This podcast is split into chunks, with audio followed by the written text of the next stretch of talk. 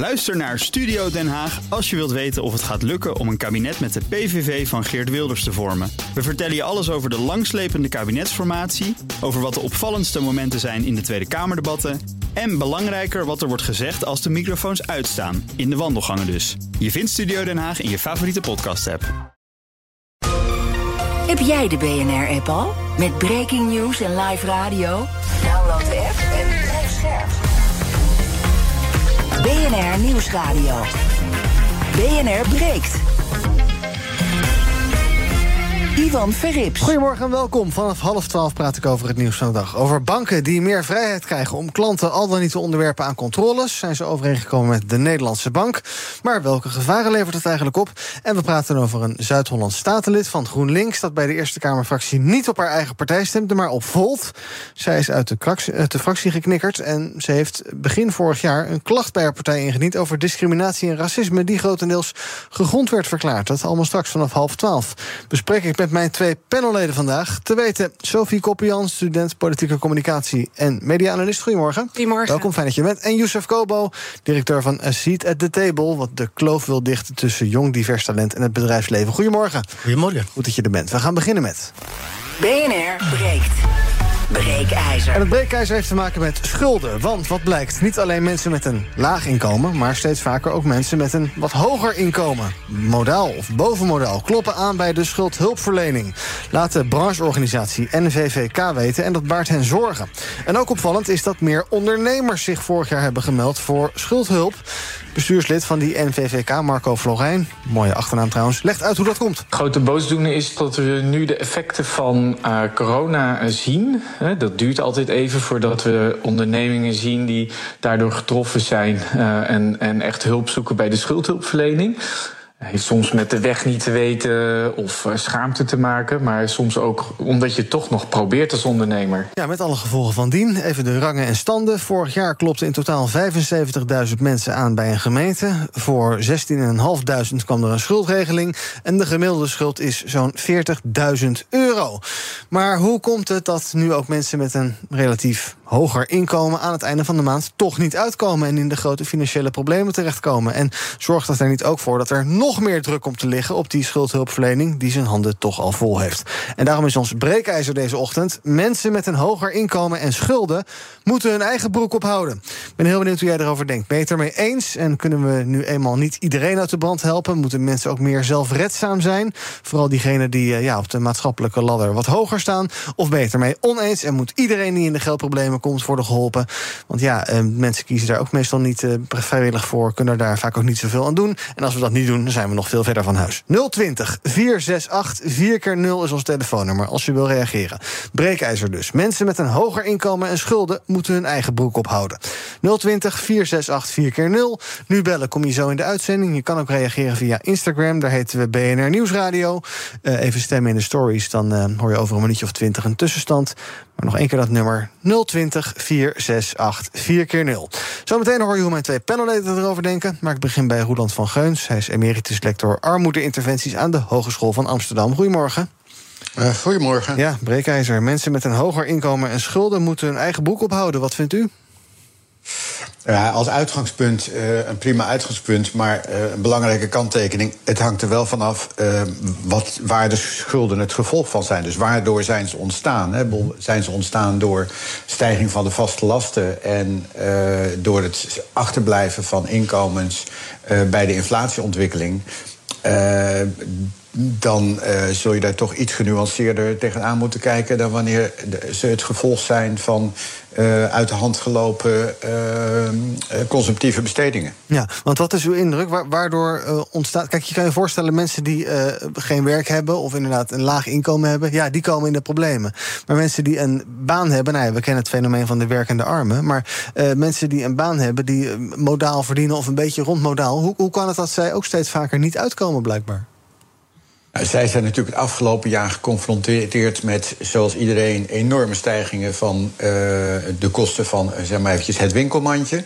Uh, en uh, daarnaast zitten ze vaak in huurwoningen die dan ehm, tot de zogenaamde middenhuurwoningen horen, maar die wel gewoon redelijk fors in huur zijn gestegen. -hmm. En belangrijkste, ze zijn geconfronteerd met de stijging van de energiekostlasten. en als je dan niet in een geïsoleerd huis zit en je had een. Uh, een variabel contract, ja, dan kon het zomaar zo zijn dat je uh, huur uh, met een factor 2 om, of je, sorry, je energielasten met een factor 2 omhoog gingen. Ja. En uh, ja, ik bedoel, dan past het plaatje gewoon niet meer. en om dan op al je andere uitgaven uh, om die heel snel terug te brengen, dat, dat lukt vaak niet. Ten eerste omdat gedragsverandering sowieso heel erg moeilijk is. Mm Maar ten tweede omdat veel van die andere kosten... die liggen ook min of meer vast. Hè? Als je met z'n vieren in een huishouden woont... dan zul je wel elke dag voor vier mensen... Uh, eten op tafel moeten uh, brengen. Als je afhankelijk bent van een auto om je, bij je werk te komen... dan zul je wel in die auto moeten stappen ook al vind je dat, uh, had je eigenlijk liever misschien wel in het OV gestapt. Maar als dat niet, geen alternatief is. Dus de mogelijkheden om je uitgavenpatroon te veranderen uh, zijn relatief beperkt, zeker mhm. op korte termijn. En je kunt ook niet zomaar even snel naar een goedkopere woning overstappen. Want de woningmarkt zit op slot. Nee. Dus het is een soort perfect storm eigenlijk. Ja, die dan Zo zou je het kunnen sommige mensen in de problemen raken. Oké, we praten zo verder. Ik doe een rondje met een panel. Uh, ons breekijzer vandaag. Mensen met een hoger inkomen en schulden moeten hun eigen broek ophouden. Sophie, wat vind jij?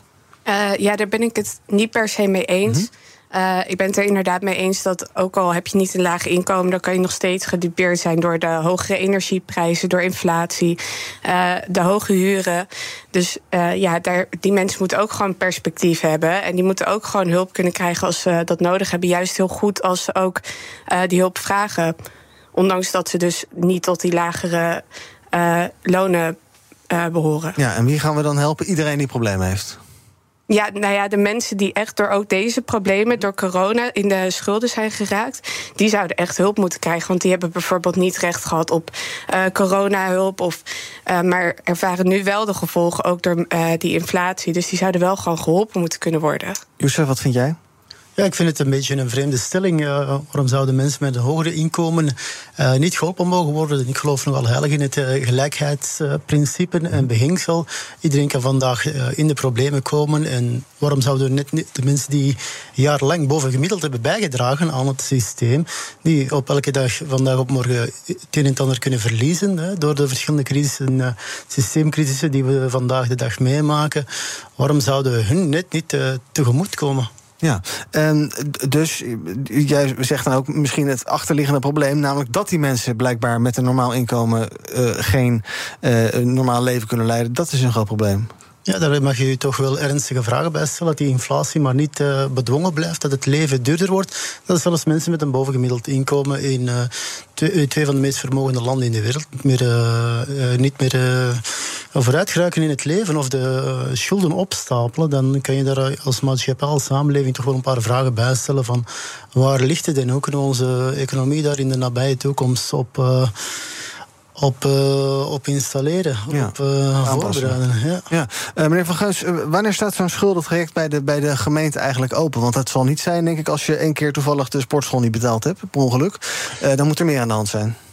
Ja, in principe is de, uh, de, de, de definitie van uh, wat dan heet problematische schulden zijn die schulden die zo hoog zijn dat je ze in drie jaar niet zelfstandig kunt aflossen zonder onder een bepaald bedrag uh, te, uh, uh, te vallen. En dat is zeg maar even globaal ongeveer de bijstandsnorm. en daar zitten plussen en minnen op voor, voor, voor vaste lasten die noodzakelijk zijn en zo. Maar dat is zeg maar grofweg de grens. Dus je moet ze binnen drie jaar kunnen aflossen. En voor een minimumniveau is dat, voor een minimuminkomen ligt dat om en bij de 2, 2.500 euro. Dus als daar de als het schuldenbedrag hoger is dan dat, dan eh, worden de schulden al snel problematisch. Ja, en naarmate je inkomen hoger is, hangt het dus van wat we dan noemen de afloscapaciteit af. Ja, uh, zou je net, waardoor het komt dat mensen met een, ja, ook een modaal inkomen soms niet uit de kosten komen. We hebben ook allerlei zaken gehad, bijvoorbeeld dit hele jaar nog energieplafonds en dergelijke. vorig jaar energietoeslagen, dat soort zaken. ja, heeft dat dan niet goed genoeg geholpen? Of heeft dat misschien wel die armste groep geholpen? Maar niet het groepje erboven? Uh, het heeft uh, globaal uh, de armsten het best geholpen. Met, met dien verstande dat er daar ook wel ongelukken zijn gebeurd. Hè, dat de, de, energietoeslag en dergelijke gewoon onvoldoende was. Dat mensen enorme energierekeningen geconfronteerd werden waar ze geen oplossing voor konden vinden.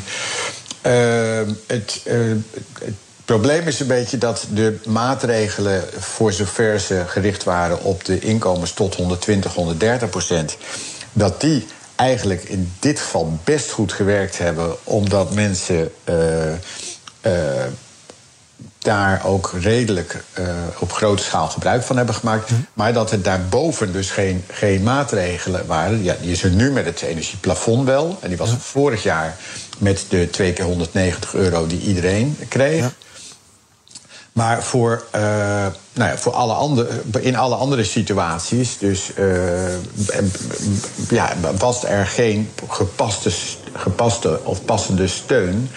Was het ook heel ingewikkeld. Hè? We moeten niet net doen alsof het heel makkelijk was geweest voor de overheid om het op te lossen. Mm uh, je zit met een situatie waarin heel Nederland geconfronteerd wordt met een prijsstijging van tussen de 15 en 20 procent. En met energielasten die voor iedereen globaal stijgen. Zij het, als jij in een goed geïsoleerd huis woonde, dan had je er nauwelijks last van. En omgekeerd uh, had je er heel veel last van. En om dan gerichte hulp te geven, maatwerk te bieden, dat is en was uh, zeker gegeven de, zeg maar, de problemen, de uitvoeringsproblemen bij de Belastingdienst was vrijwel onmogelijk. Ja, te veel gevraagd. Vragen onze bellers, ons breekijzer vandaag. Mensen met een hoger inkomen en schulden moeten hun eigen broek ophouden. Ik ben heel benieuwd hoe jij erover denkt. 020 468 4 keer 0 Nu bellen kom je zo in de uitzending. Jan, goedemorgen. Goedemorgen, Ivan. Nou, ik ben het grotendeels wel eens met de stelling omdat ja, ik toch van mening ben dat mensen met een uh, modaal of hoger inkomen vaak... die hebben toch wat meer ruimte om eventueel nog uh, ja, een beetje de broekriem aan uh, te halen. Dat hebben mensen aan de onderkant van de samenleving, noem ik het maar even, eigenlijk niet. Die komen ook veel eerder in problemen, maar die hebben tegelijkertijd ook veel beter geleerd om met uh, een laag inkomen om te gaan. Mm -hmm. En daar is ook onderzoek naar gedaan, dus dat kun je ook uh, terugzien. Uh, ik denk wel dat bij het aanpakken van schuldhulp... dat daar wel gekeken moet worden naar de persoonlijke situatie. En dat dat toch even naar de nuance gekeken moet worden. Vorig jaar hadden we, je haalde je zelf al aan... de energietoeslag voor de lage inkom inkomens. Ja. daar kon je aanspraak op maken als je tot 120% van de bijstandsnorm kreeg per maand mensen die uh, ehm, 121% van de bijstandsnorm kregen, ja, die kregen dus gewoon helemaal niks. Er zit verder geen nuance tussen. Dus naar dat soort situaties zou gewoon beter gekeken moeten worden. Jan, dankjewel voor het bellen. John, goedemorgen. Uh, ja, goeiedag. Hallo. Um, ik, ik, hoor je mij? Jazeker, zeg het maar. Ja, ik vind uh, naar, uh, naar gelang de inkomen, inkomensgrens, dat je daarop in procenten moet gaan bekijken of iemand het ja of nee uh, echt nodig heeft. Want mm -hmm. mensen die een paar miljoen op een rekening hebben staan, uh, dat vind ik belachelijk dat die geholpen worden, terwijl ze het makkelijk zelf kunnen betalen.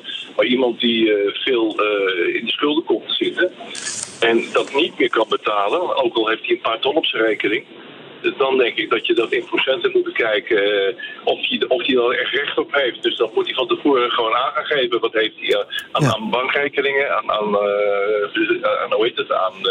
aan vermogen. Niet alleen ja. naar inkomen kijken, maar ook naar vermogen, dus zeg jij. Ja. Duidelijk. Ja, ja, ja. Dankjewel voor het bellen, John. BNR breekt. Ivan Verrips. In mijn panel vandaag Youssef Kobo, directeur van A Seat at the Table. Sophie Koppian, student politieke communicatie, media-analyst. En ook bij me is Roeland van Geus, emeritus lector armoede-interventies aan de Hogeschool van Amsterdam. Ons breekijzer. Mensen met een hoger inkomen en schulden moeten hun eigen broek ophouden. Als je wil reageren, 020 468 4 keer 0 Nu bellen, kom je ergens in de komende acht minuten nog bij me in de uitzending. 020 468 4 keer 0 Misschien even een hele bouwde stelling, uh, Youssef. Maar uh, als je een uh, wat hoger inkomen hebt, een modaal inkomen... dan zou ik denken van, goh, ik noemde net voor de grap de sportschool. Uh, nou, zeg die eerst maar eens op. En uh, Spotify heb je misschien ook niet nodig. En uh, dan ga je een keer maar, dan ga je maar naar de Aldi in plaats van naar de, naar de Jumbo. En um, kan je eisen verwachten van mensen dat ze dat soort aanpassingen gaan doen voordat ze dit soort trajecten ingaan? Ja, dat hangt, er allemaal natuurlijk vanaf van hoeveel steun ze nodig hebben en ze gaan krijgen en waar die uitgaven naartoe gaan natuurlijk. Nu, wat betreft het micromanagement van persoonlijke financiën van België uh, van burgers in problemen, denk ik dat. Ik ga me daar toch altijd. Ik blij dat ik daar toch met het enige Ik zou er toch wat voorzichtig blijven, denk ik, dan als, als staat. Maar uiteraard, als ik uh, als, ik als burger met een bovengemiddeld inkomen in een zeer luxueus, groot en ruim appartement uh, leef en allerlei dure reizen doe door het jaar heen en ik kom plots in de problemen met allerlei zware schulden door het jaar heen. En ik kom me dan aankloppen bij een of andere uh, overheidsdienst voor ondersteuning. Maar ik wil mijn leven niet aanpassen. Ik wil mm nog twee keer per jaar naar Azië en ik wil nog exotische reizen doen. En wat not.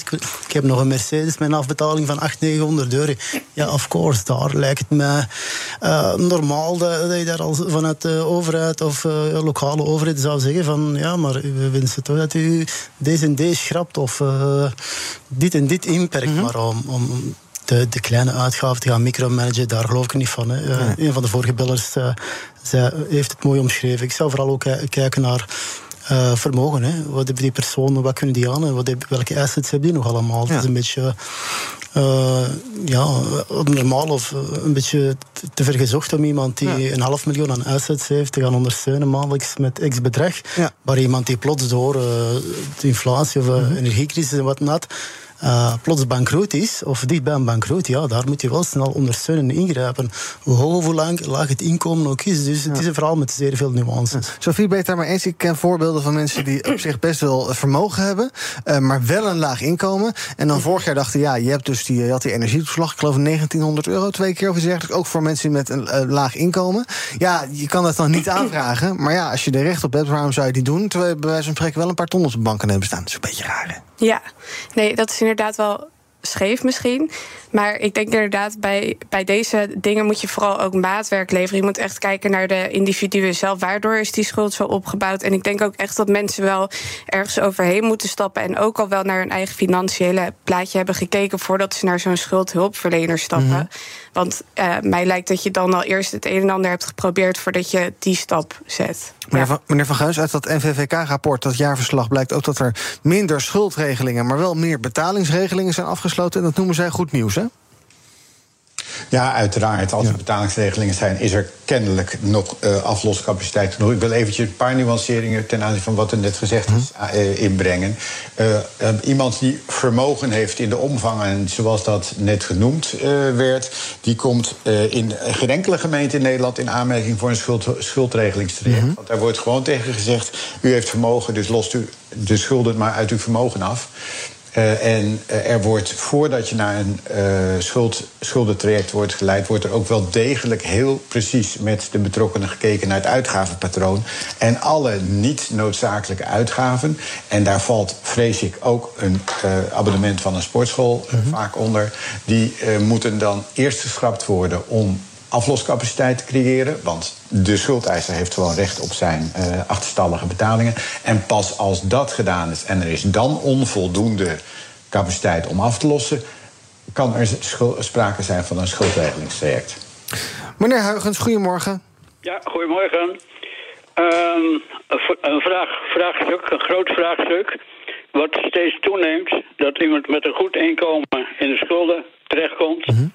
Of hij de eigen broek moet ophouden. Natuurlijk, in principe wel. De eerste vraag is misschien... Is de, is de broek die ze aangetrokken hebben niet veel te groot? En kijk, mensen die zeggen dat ze overal recht op hebben... ja, en wel twee, drie keer per jaar met vakantie gaan... Mm -hmm. moet een dikke auto onder de gat hebben, enzovoorts. Dus waarom niet beter gelet op wat inkomt om het uitgavenprogramma daarop af te stemmen. Ja. Ziet u dat veel? Dat, er zijn er nog genoeg die natuurlijk problemen hebben. Ja. Die moeten worden geholpen. Ja. Maar als het nou zover is dat het een, een landelijk probleem is...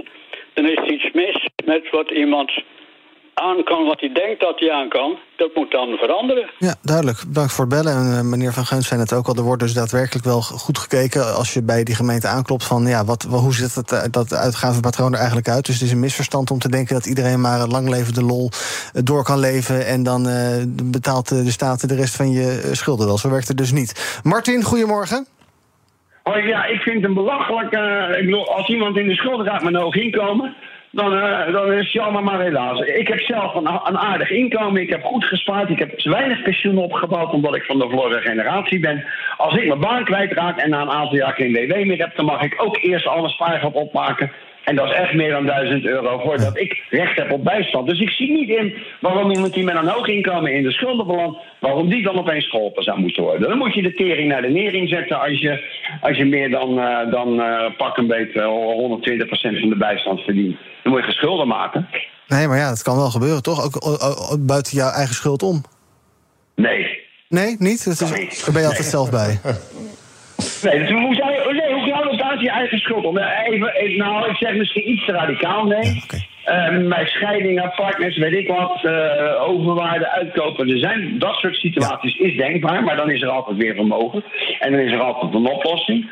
Maar in principe geldt dat iedereen die pak een beetje eh, 100 120, 130, 140 procent van de bijstandsnorm verdient. Die moet uit kunnen komen. Die moet rond kunnen komen en dan moet je geen schulden maken. Martin, dankjewel voor het bellen. En toch fijn dat wij altijd voor de nuance ook eh, er kunnen zijn. Eh Cher Molly, goedemorgen.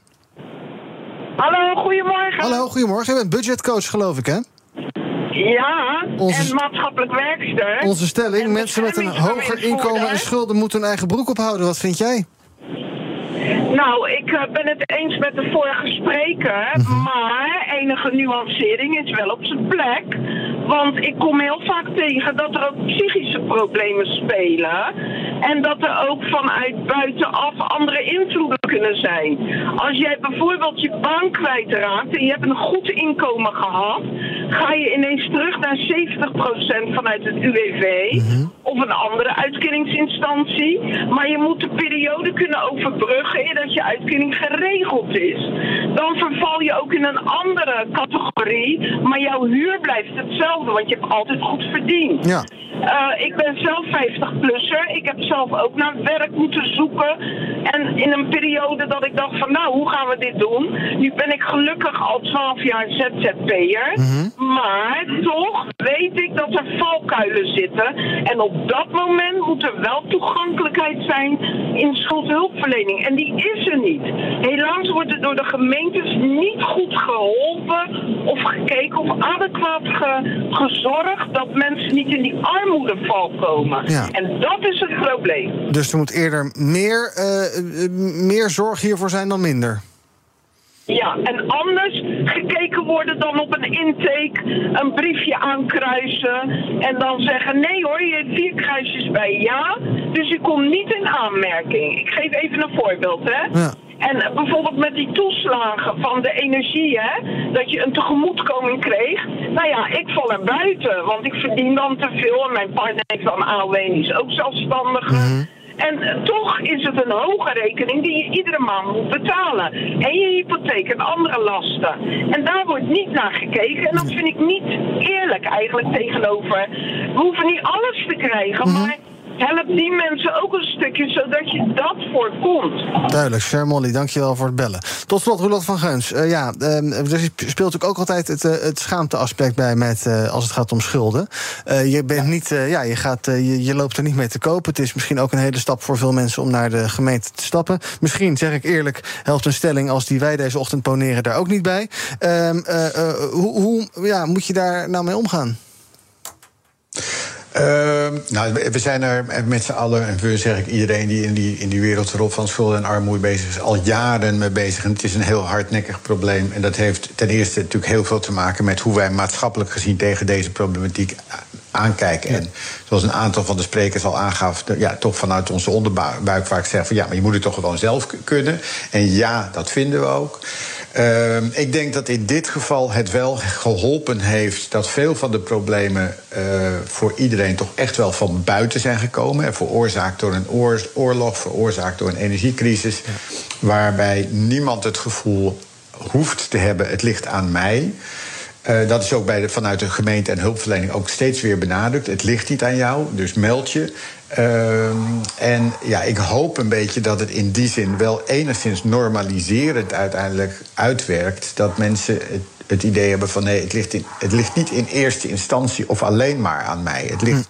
Heel veel, heel veel anderen hebben ook met deze problemen te maken. En ik hoef me dus niet te schamen om eh, aan te kloppen bij gemeenten of andere hulpverleningsorganisaties. eh, om te vragen: wat moet ik in deze situatie doen? Nee, waarbij het Want he- heel, va- heel vaak kom je er gewoon zelf niet uit. Nee, waarbij het natuurlijk niet moet doorslaan dat ook het maken van schulden per definitie normaal wordt. Toch? Dat je dat Nee, uiteraard niet. Maar onze betalingsmoraal in Nederland is gelukkig nog steeds wel heel erg goed. Roland van Geuns, emeritus lector armoedeinterventie aan de Hogeschool van Amsterdam. Dank voor je tijd. Op onze Instagram-pagina eh, BNR Nieuwsradio is 75 procent. Dan moet ik kijken of het nou eens of oneens was. Ja, eens met de stelling. Mensen met een hoger inkomen en schulden moeten hun eigen broek ophouden. Daar kan je nog de hele dag reageren.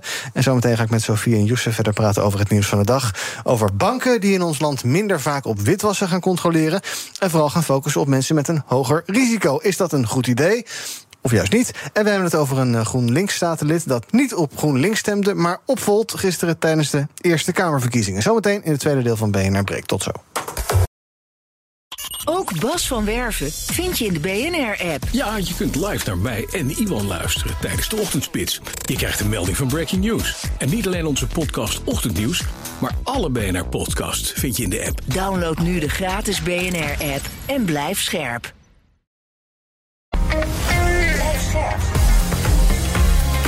BNR Nieuwsradio. BNR breekt. Ivan Verrips. Welkom terug. In mijn panel vandaag Youssef Kobo, directeur van A Seat at the Table... en Sophie Koppian, student politieke communicatie en media-analyst. En we gaan praten over het nieuws van de dag. Te beginnen bij banken, want de Nederlandse bank... heeft een ja, zeg maar compromis gesloten over witwastoezicht met de Nederlandse banken. Zo hoeven banken alleen nog hun eh, meest risico, risicovolle klanten streng te controleren. En dat betekent een einde aan ja, allerlei belemmerende vragen die ze aan klanten moesten stellen. En vooral ook de klachten die banken erover hadden. Dat ze ja, eigenlijk enorme witwaslegers met duizenden mensen moesten oprichten om uh, witwassen te kunnen voorkomen. Maar als je eenmaal onder het vergrootglas van de bank ligt, dan hebben die banken ook het recht om hun meest intensieve controles uit te voeren. In de ochtendspits zei Simon Lelyveld, expert financiële regelgeving, het volgende daarover. Het is eigenlijk alsof de banken uh, na jaren lezen hebben ontdekt dat de wet eigenlijk zo streng niet is. Ja, dat is wel opvallend. Die zei dus, die banken die hebben zich eigenlijk uh, nou, al die jaren, nou, ik zal niet zeggen aangesteld, maar die zijn veel te streng geweest. En dat was eigenlijk helemaal niet nodig. Opvallend verhaal. Um, uh, Sophie, als jij dit leest, denk je dan, we kennen de verhalen al jaren over die banken die uh, nou, moord en brand schreeuwen. Die ook zeggen, wij, wij moeten veel te streng controleren. Wij moeten dat allemaal zelf ophoesten. Uiteindelijk betalen wij als klanten dat natuurlijk allemaal. Maar oké, okay. is het te slim om, om ja, dat controle een beetje te downgraden? Nou, ik denk dat het heel goed is dat ze wat meer gericht gaan controleren. Want ze kunnen echt wel een beetje filteren in, in wat risicovolle uh, ondernemingen of individuen zijn. Dus ik denk dat het heel goed is dat ze nu een soort van toetsingssysteem daarvoor hebben. Mm -hmm. Ja, en dat scheelt inderdaad gewoon geld en tijd. Ja, uiteindelijk wordt er dus wel gewoon minder gecontroleerd, hè? Ja, maar als het wat meer gericht is, dan denk ik niet dat het. Uh, ik denk dat het dan gewoon veel beter is. Ja. ja. Um, wat vind jij?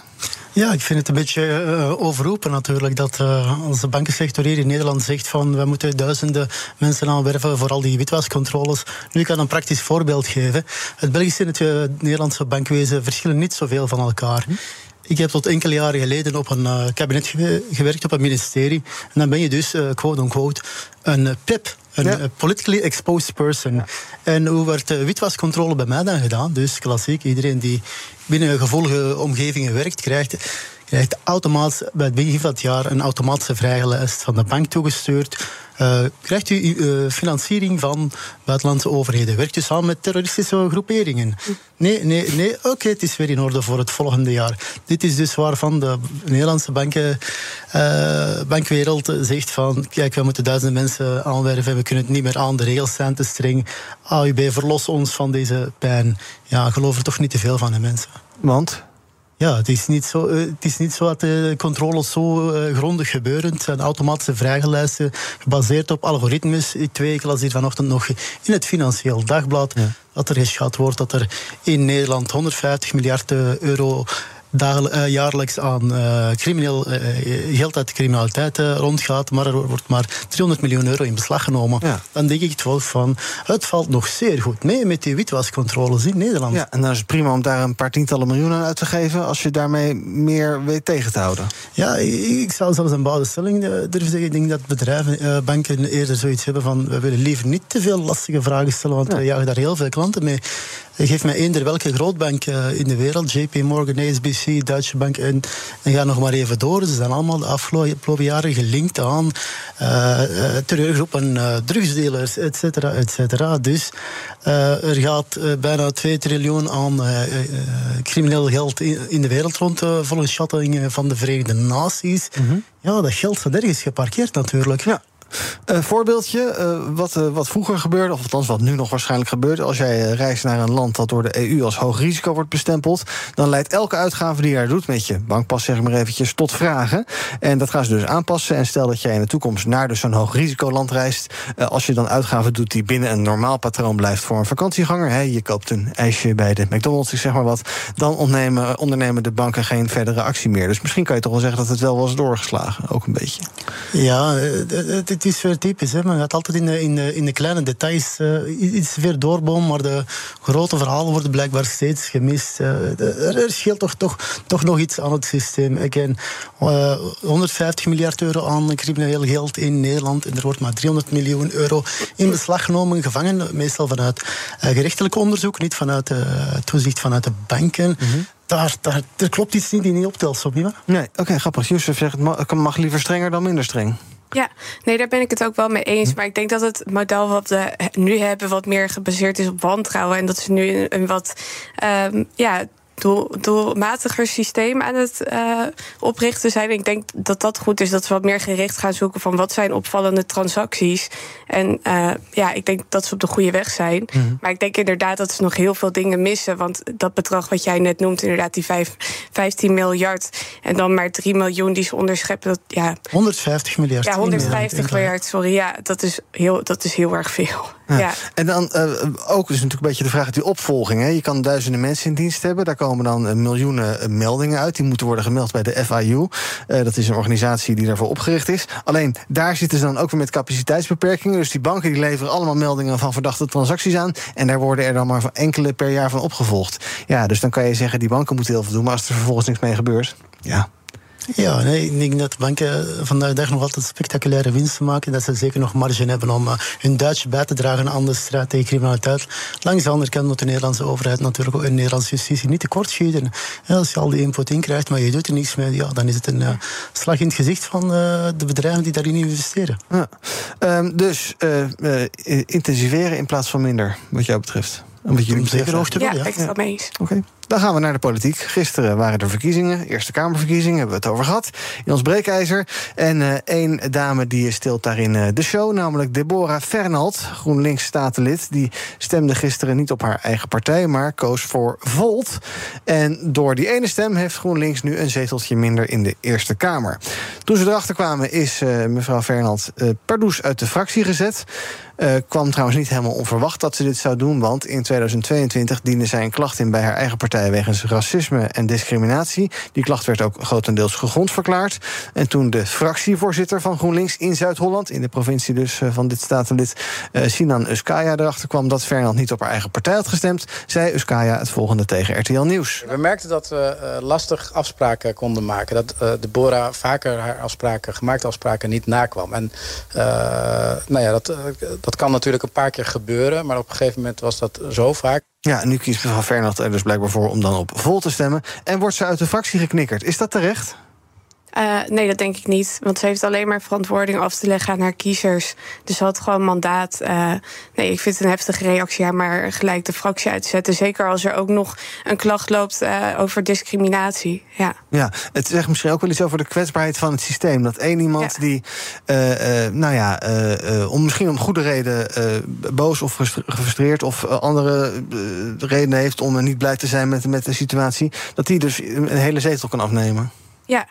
Ja, aan de andere kant ook. Maar blijkbaar is er dus ook geen ruimte voor dissidenten bij GroenLinks. Ja. Ja. Uh, hebben ze dit dan te hoog laten, laten oplopen? Onvoldoende ingegrepen, voor zover je kan beoordelen, deze kwestie? Ja, dat denk ik wel. Want als het zo hoog oploopt. En ik weet niet wat voor gesprekken daar vooraf zijn gegaan. Daar, daar kon ik niks over mm -hmm. zeggen. Maar het is wel een, een heftige conclusie. Ja. ja. Zo deelde zij deze week ook, of de, eerder deze maand geloof ik, haar ervaringen in een, uh, in, een, in een column. Bij haar ervaringen bij GroenLinks Rotterdam. En daarin schrijft ze dat een bestuurslid haar mededeelde dat ze geen succes zou hebben. En niets zou bereiken vanwege haar uiterlijk. Dat zijn toch teksten dat je denkt dat in deze tijd. Maar dat gebeurt ja. blijkbaar nog. Ja, maar het is echt bizar ook bij zo'n grote partij dat, dat dat soort dingen nog steeds gebeuren. Ja, dat is wel zorgelijk. Ja. Absoluut. Fractieleden wisten dat ze twijfelden om eh, niet op GroenLinks te gaan stemmen. Ehm, eh, dit was dus wel een kwetsbare, kwetsbare mevrouw, blijkbaar. Ja, ik vind het, een- ik vind het een, eh, een zeer vreemd verhaal. En toch voor GroenLi- GroenLinks en, het, en de thema's die zij behartigen eh, binnen de partij. Je hebt, een, je hebt een collega, je hebt een staatslid die melding maakt van grensoverschrijdend gedrag. En zij wordt plots uit de fractie geknikkerd. Dat, is, eh, dat kan je niet maken. De meeste grote organisaties en bedrijven. Daar volgt eerst een onderzoek. Die is hier eh, gegrond verklaard. Die aantekeningen zijn hier gegrond verklaard. En nog komen niet op eh, voor, voor het statenlid. En kiest men ervoor om die buiten de fractie te zetten. Opmerkelijk verhaal. Twee, het gaat over een verhaal van racisme een van, discriminatie. Toch wel enkele van de pijlers van de thema's die GroenLinks eh, in Nederland behartigen. Ja, welk signaal geef je daarmee naar de kiezer en het grote publiek? Hey, wij nemen die. Wij zijn absoluut tegen racisme en discriminatie, maar als het binnen onze eigen Ja. organisatie gebeurt, eh, sorry, we hebben niets gezien en dag en bedankt. En dan moet het slachtoffer wijken. Ja, zeer vreemd verhaal. Ja. GroenLinks laat daar een waar gezicht zien. Ja, eh, deze mevrouw gaat nu geloof ik, althans daar is wat onduidelijkheid over, maar zelfstandig door in de Staten. Kan je daar wat bereiken als zelfstandig statenlid? Eh, nou ja, ik denk het wel. Ik Mhm. denk, ze, ja, ze kan gewoon haar zetel innemen en haar geluid blijven eh, laten horen. Ja. Dat is geloof ik ook van plan. Nou, dit Ja. verhaal krijgt ongetwijfeld nog een staartje, want die is nog veel onduidelijker. Bij BNR ben je altijd als eerste op de hoogte van het laatste nieuws. Luister dagelijks live via internet. Bas van Werven. En heel langzaam komt de zon op rond dit tijdstip. Je krijgt inzicht in de dag die komt op BNR, het Binnenhof in Nederland en de rest van de wereld. De Ochtendspits. Voor de beste start van je werkdag. Blijf scherp en mis niets. BNR breekt. Nou, kijken wat mijn panelleden is opgevallen in het nieuws. Eh Sophie, ik wil bij jou beginnen. Jij wil vooruitblikken op het debat eh, rondom persvrijheid en persveiligheid. Dat op 1 juni in de Kamer staat gepland. Dat is morgen dus. Ja, klopt. wat eh vul je daarin op? Nou, daar viel, ik ben eigenlijk vooral heel benieuwd waar dit debat over gaat gaan. Want afgelopen weekend was het eh, rapport in het nieuws van de IVD over eh, dat er meer dan 100.000 mensen zijn die toch wel ook in complottheorieën geloven. En dan had je natuurlijk het debat van de, nou ja, over de NPO, die eh, boetes wil uitdelen richting ongehoord Nederland. Ja. En je ziet gewoon dat persvrijheid en veiligheid en ook het aanbieden van. Eh, pers en journalistiek gebaseerd op feiten, dat dat met elkaar schuurt. Mhm. Dus ik ben gewoon heel benieuwd eh, ja, wat, wat daar eh, genoemd gaat worden. En ehm, ik wilde dit onderwerp graag benoemen, omdat ik gisteren was ik bij een, een buurtmaaltijd hier in Amsterdam. Ja. Toen zat ik naast een meneer en die, eh, die gelooft ook in dit soort in complottheorieën, zeg maar. Mhm. En eh, nou ja, ik denk dat het vooral heel belangrijk is om wel het gesprek met elkaar aan te blijven gaan. En de persoon ook niet te zien als alleen een complotdenker, maar ook als iemand die eh, nou ja, bepaalde nieuwskanalen volgt. Ja. En eh, ja, dat je met elkaar ook vooral in gesprek blijft over ja, waar, waar de feiten nou liggen. En ook eh, niet verder polariseert. Want dat is wat, wat ik hoop dat niet de conclusie gaat zijn van zo'n debat morgen. Dat er alleen nog maar verdere polarisatie plaatsvindt en mensen verder van elkaar verwijderd worden. Ja. Heeft het zin om eh, omroepen als Ongehoord Nederland te verbannen uit je stelsel als je zegt van we, willen, we, we hechten heel erg aan persvrijheid en persveiligheid? Ehm, je mag het misschien totaal met z'n oneens zijn, maar moet je zeggen van dat moet weg?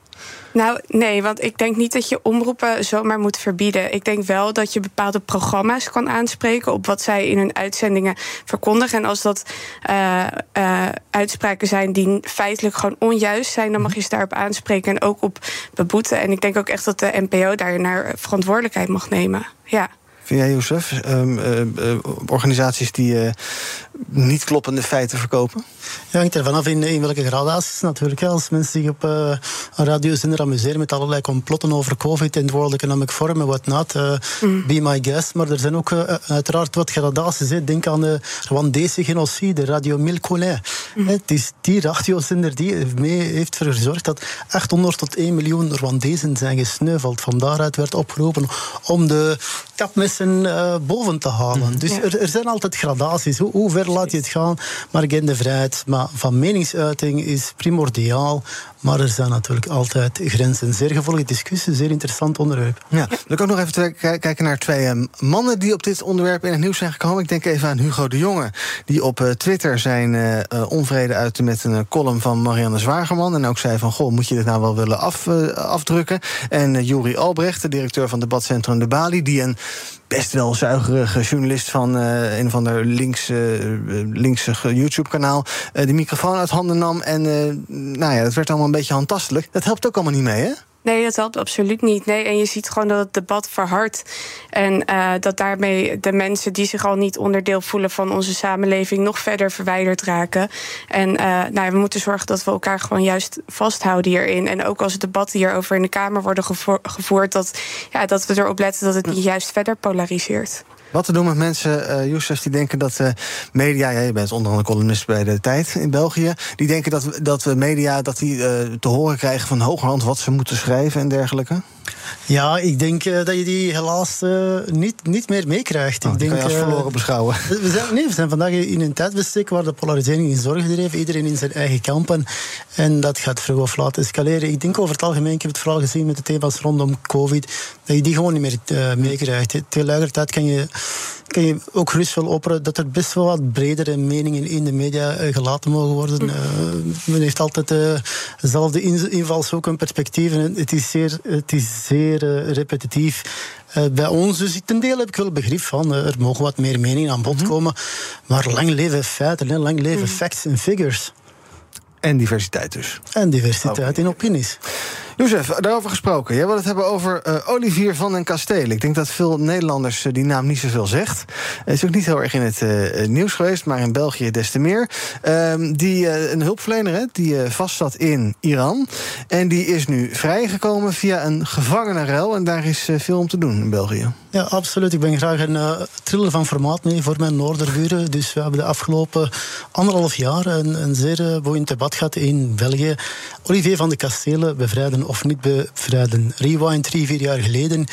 In Brussel werd een man opgepakt die bleek geleerd te zijn aan de Iranese geheime dienst. Een zekere Abdullah Assadi. En die was net uh, met een paar vrienden, met een paar collega's, extremisten, een aanslag aan het voorbereiden in Parijs. Mm -hmm. Uh, gericht op de MEK, de Iranese oppositie. Nu goed, uh, die aanslag is gelukkig uh, verijdeld geweest en die man kreeg twee jaar geleden in ons land twintig jaar gevangenisstraf. En Iran kon daar blijkbaar niet mee lachen en heeft daar direct uh, zeer hoge politieke druk opgevoerd op het internationale toneel en België onder druk gezet. En toen uh, de Belgische regering niet wou thuisgeven, werd de eerste, de beste uh, Belg die ze konden tegenkomen, de heer Olivier van de Kastelen, opgeno- opgepakt, beschuldigd van spionage en kreeg hij meteen een zware celstraf. Nu, dat is een beetje een wel spelletje geweest tussen België en Iran de het afgelopen jaar. Maar uh, Iran wou absoluut de heer Assadi vrij, de net veroordeelde terrorist. En kostte wat het kostte. Men arresteert daar een onschuldige hulpverlener. En de druk werd continu opgevoerd. Het was echt een thriller bij ons in België. Want elke twee maanden werden er nieuwe dingen gelekt. Hij krijgt de doodstraf, hij krijgt zweepslagen. Hij is 20 kilo afgevallen. Hij staat op het puntje van sterven, niervallen enzovoort. Dus elke twee maanden kregen wij nieuwe updates en het ging alleen maar slechter, slechter. Mm -hmm. En uh, wat er, dus er werden nieuwe wetten ingevoerd. Uh, grondwetten, het grondwettelijk hof kwam tegen, de wetten, uh, tegen die nieuwe wetten die ingevoerd waren. Dus een heel spelletje tussen de, de Belgische regering en. Uh, Belgische justitie natuurlijk. En dan ook ja. natuurlijk een groot gevecht tussen de premier Alexander de Croo, de federale regering en de oppositie. Ja. Uh, finaal op het einde van de rit, laatste van de rit, laatste nippertje, is de heer Olivier van de Kastelen, dankzij bemiddeling van onder meer Oman, vrijgelaten geweest. Maar we hebben wel de terrorist Assadi uh, terug uitgeleverd aan Iran. En daar is nu een zeer grote discussie in België. De heer van de Kastelen loopt al een paar dagen vrij rond. Ging gisteren nog op de koffie bij de koning. Dus ons land is verdeeld. De helft van het land is opgetogen dat een Belgische staatsburger is bevrijd. Ja. De andere, uh, de andere kant, hè, meer op de rechterflank, is razend woedend dat we een terrorist hebben vrijgelaten en dat we hiermee uh, ook alle Belgische staatsburgers over heel de wereld uh, vogelvrij verklaren die ja. in autocratische regimes uh, rondlopen. En dat is nu het dilemma van de dag. Wat doe je in zo'n geval? Hè? Ik, ik, kijk naar jullie. Een Nederlandse staatsburger wordt vandaag of morgen ontvoerd in Noord-Korea. Ze willen hier een, of in Syrië of in Iran. En ze willen in de ruil daarvoor een veroordeelde terrorist in, in Den Haag vrijkrijgen. Ja. Wat doen we? Wat doen we? Nou, Sophie, zeg het maar. Oh, jeetje. Ja. ja. Nee, dat, ja, heel moeilijk. Ja, ja. Een mogelijk dilemma dit. Maar waarom hebben ze er uiteindelijk toch toe besloten om hem dus uit te leveren? Wat, wat was de druppel? Dus de mening van premier De Croo. Ja. En uh, waarom Iran hem heeft vrijgelaten? Ja, nee, waarom? Want ze hebben die terrorist die dus in België zit, die hebben ze toch uitgeleverd. Ja, de Iranezen hebben het geweldig gespeeld. Ze lieten Ja. eh, druppelsgewijs continu nieuwe informatie over de verslechterende gezondheidstoestand lekken Ja. naar België. En kwamen altijd zeer mooie eh, dwingende artikels Hm. in de pers. En de druk werd continu verhoogd op eh, de Belgische regering. En eh, na de afgelopen maanden werden de, werden de berichten steeds dramatischer. Een van de meest recente was van dat, dat ze de straf gingen verhogen naar doodstraf en die meteen gingen uitvoeren. Ja. Dus eh, dit is een hele psychologische thriller eh, die het afgelopen anderhalf jaar eh, zich bij ons heeft Ja. afgespeeld. En nu in het grootste geheim is hij vrijgelaten geweest. Eh, De Belgische regering in euforie, de oppositie razend, woedend, want spelen het spel mee van terroristen. quote Met unquote. één winnaar dus eigenlijk, Iran. Iran, ja, al- Ja? absoluut. Want die weet van iedereen buigt voor ons. Meneer Van der Kastelen, want die is weer vrij, dus dat is ook prettig. Eh, zijn de Netflix-rechten al verkocht hiervan? Ik zou er absoluut niet aan twijfelen als we binnen een jaartje of twee een hele reeks, een serie op Netflix eh, of wie weet Disney Plus, eh, Amazon Prime tegenkomen over de avonturen van Olivier van de Kastelen. Maar het is een fenomenaal verhaal. We gaan kijken wat er trending is op de socials. Ik denk aan mijn kutje bier, dat geeft mij veel kratten bier. ehm, want sinds het stuntverbod is een krat bier zo'n 35% duurder geworden, blijkt. En wat is nou grappig? De alcoholkorting, als je die wil geven in de supermarkt, is maximaal 35%. Ja, leuk dus. Eh, geheugenproblemen hebben ze, gaat het over op sociale media. Na de coronapandemie is er een aanzienlijke groei van het aantal eh, volwassenen met geheugenproblemen. Melden het RIVM en het Nederlands Instituut voor Onderzoek van de Gezondheidszorg. En Tina Turner. Want Marktplaats stond in de eerste 24 uur na het overlijden van de zangeres van eh, dit nummer. Hè? Bijvoorbeeld. Helemaal vol met allerlei artikelen over de Queen of Rock and Roll. Gooi dus allemaal kopen. Tot zover BNR Breekt voor vandaag. Ik dank Youssef Kobel van Seat at the Table. Fijn dat je er was. En ook Sophie Koppian, student politieke communicatie en media-analyst. Morgen, dan ben ik er weer met BNR. Ja, toch? Ja, nieuwe maand. Nieuwe uitzending dus ook BNR Breekt. En tot die tijd volg je ons via de socials. En als je de radio aan laat staan, is hier over een paar minuutjes Thomas van Zel met Zaken doen. Ook Thomas van Zeil vind je in de BNR-app. Je kunt live naar mij luisteren in Zaken doen. De BNR-app met breaking news. Het laatste zakelijke nieuws. En je vindt er alle BNR-podcasts. Bijvoorbeeld Het Nieuwe Geld. Download nu de gratis BNR-app en blijf scherp.